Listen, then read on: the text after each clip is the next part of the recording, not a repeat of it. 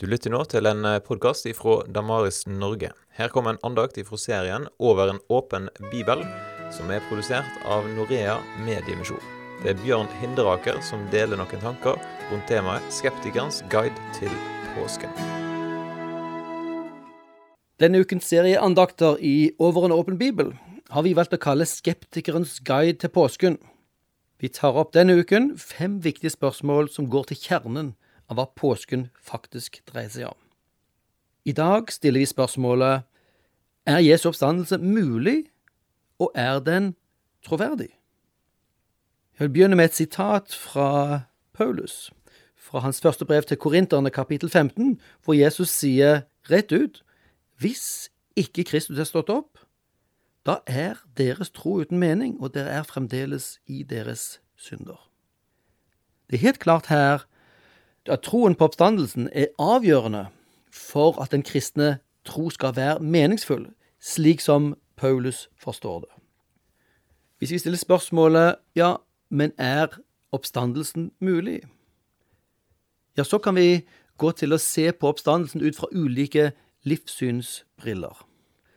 Fra det livssynet vi kan kalle naturalismen, som hevder at naturen er alt som finnes, og naturen er et system av årsak og virkning som ikke kan forstyrres, ikke kan brytes. Ut fra det systemet så er det jo helt klart at oppstandelse er umulig.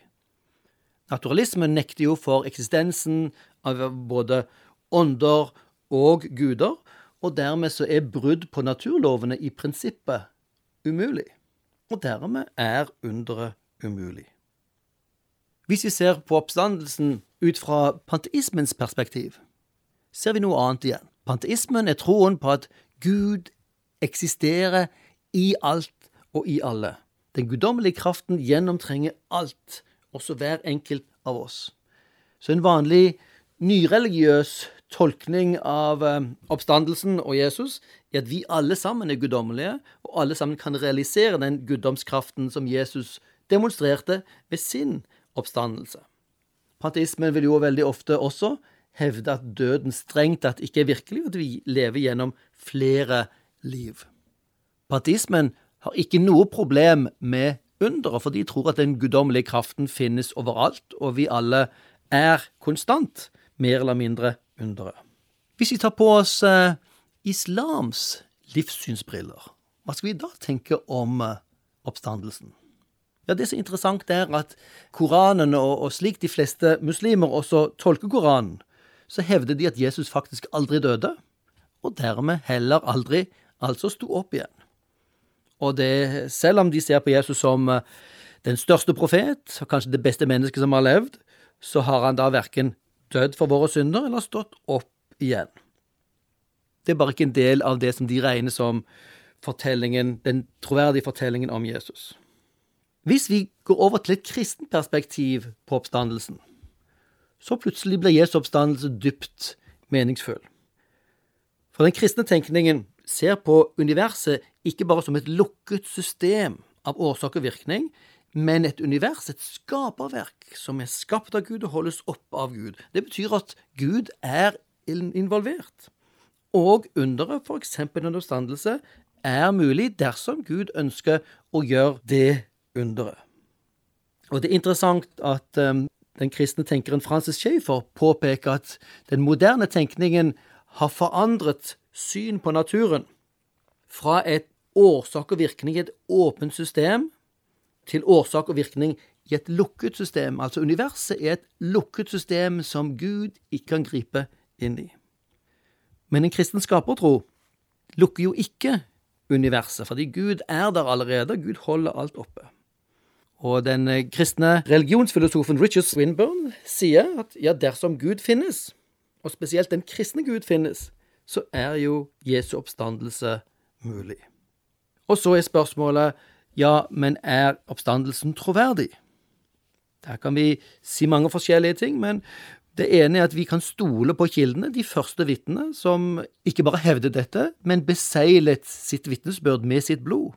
Ikke hadde noe å tjene på det, men de investerte sitt liv på nettopp denne påstanden. Derfor tenker jeg at det er en god grunn for å tro på dette. Vi kan avslutte med igjen å henvise til eh, hva Paulus sier i 1. Korinterbrev kapittel 15. Men er ikke Kristus stått opp, da er vårt budskap tomt, og deres tro er også tom. Da står vi som falske vitner om Gud, for da har vi vitnet imot Gud når vi sier at han har oppreist Jesus, noe han altså ikke har gjort, hvis døde ikke står opp. Men, så sier han, men nå er Kristus stått opp, og han er den første frukt av den kommende høsten. Altså peker Jesu oppstandelse framover mot en framtid hvor Gud skal reise alle mennesker opp fra de døde, og Jesu oppstandelse er både en bekreftelse av at Jesus var den han sa han var, og Guds framtid, som peker mot en oppstandelse fra de døde og en ny himmel og en ny jord som han skal bringe. Jeg vil avslutte med å henvise til um, Paulus i 1. Korinterbrev kapittel 15, hvor han sa hvis Kristus ikke har stått opp, da er deres tro meningsløs. Så sier han videre, men nå er Kristus stått opp fra de døde, som førstegrøden, altså den første frukten, av dem som er sovnet inn. Sentrum i kristen tro er en ganske utrolig hendelse, nemlig at Jesus ble reist opp fra de døde. Er det mulig? Vel, dersom det finnes en Gud, så er det mulig. Og dersom Gud faktisk hadde planer om å fornye universet, og at han ønsket å sende sin sønn ned og gjøre dette synlig for alle, at han var hans sønn, og gjorde noe som var helt umulig historisk sett, ok, da gir det god mening å tro på Jesu oppstandelse. La oss be sammen. Vi takker deg, himmelske Far, for at du sendte din sønn, ikke bare for å dø for oss, men også for å stå opp igjen og peke framover mot vår framtid om oppstandelsen og livet som du har lovet oss. Amen.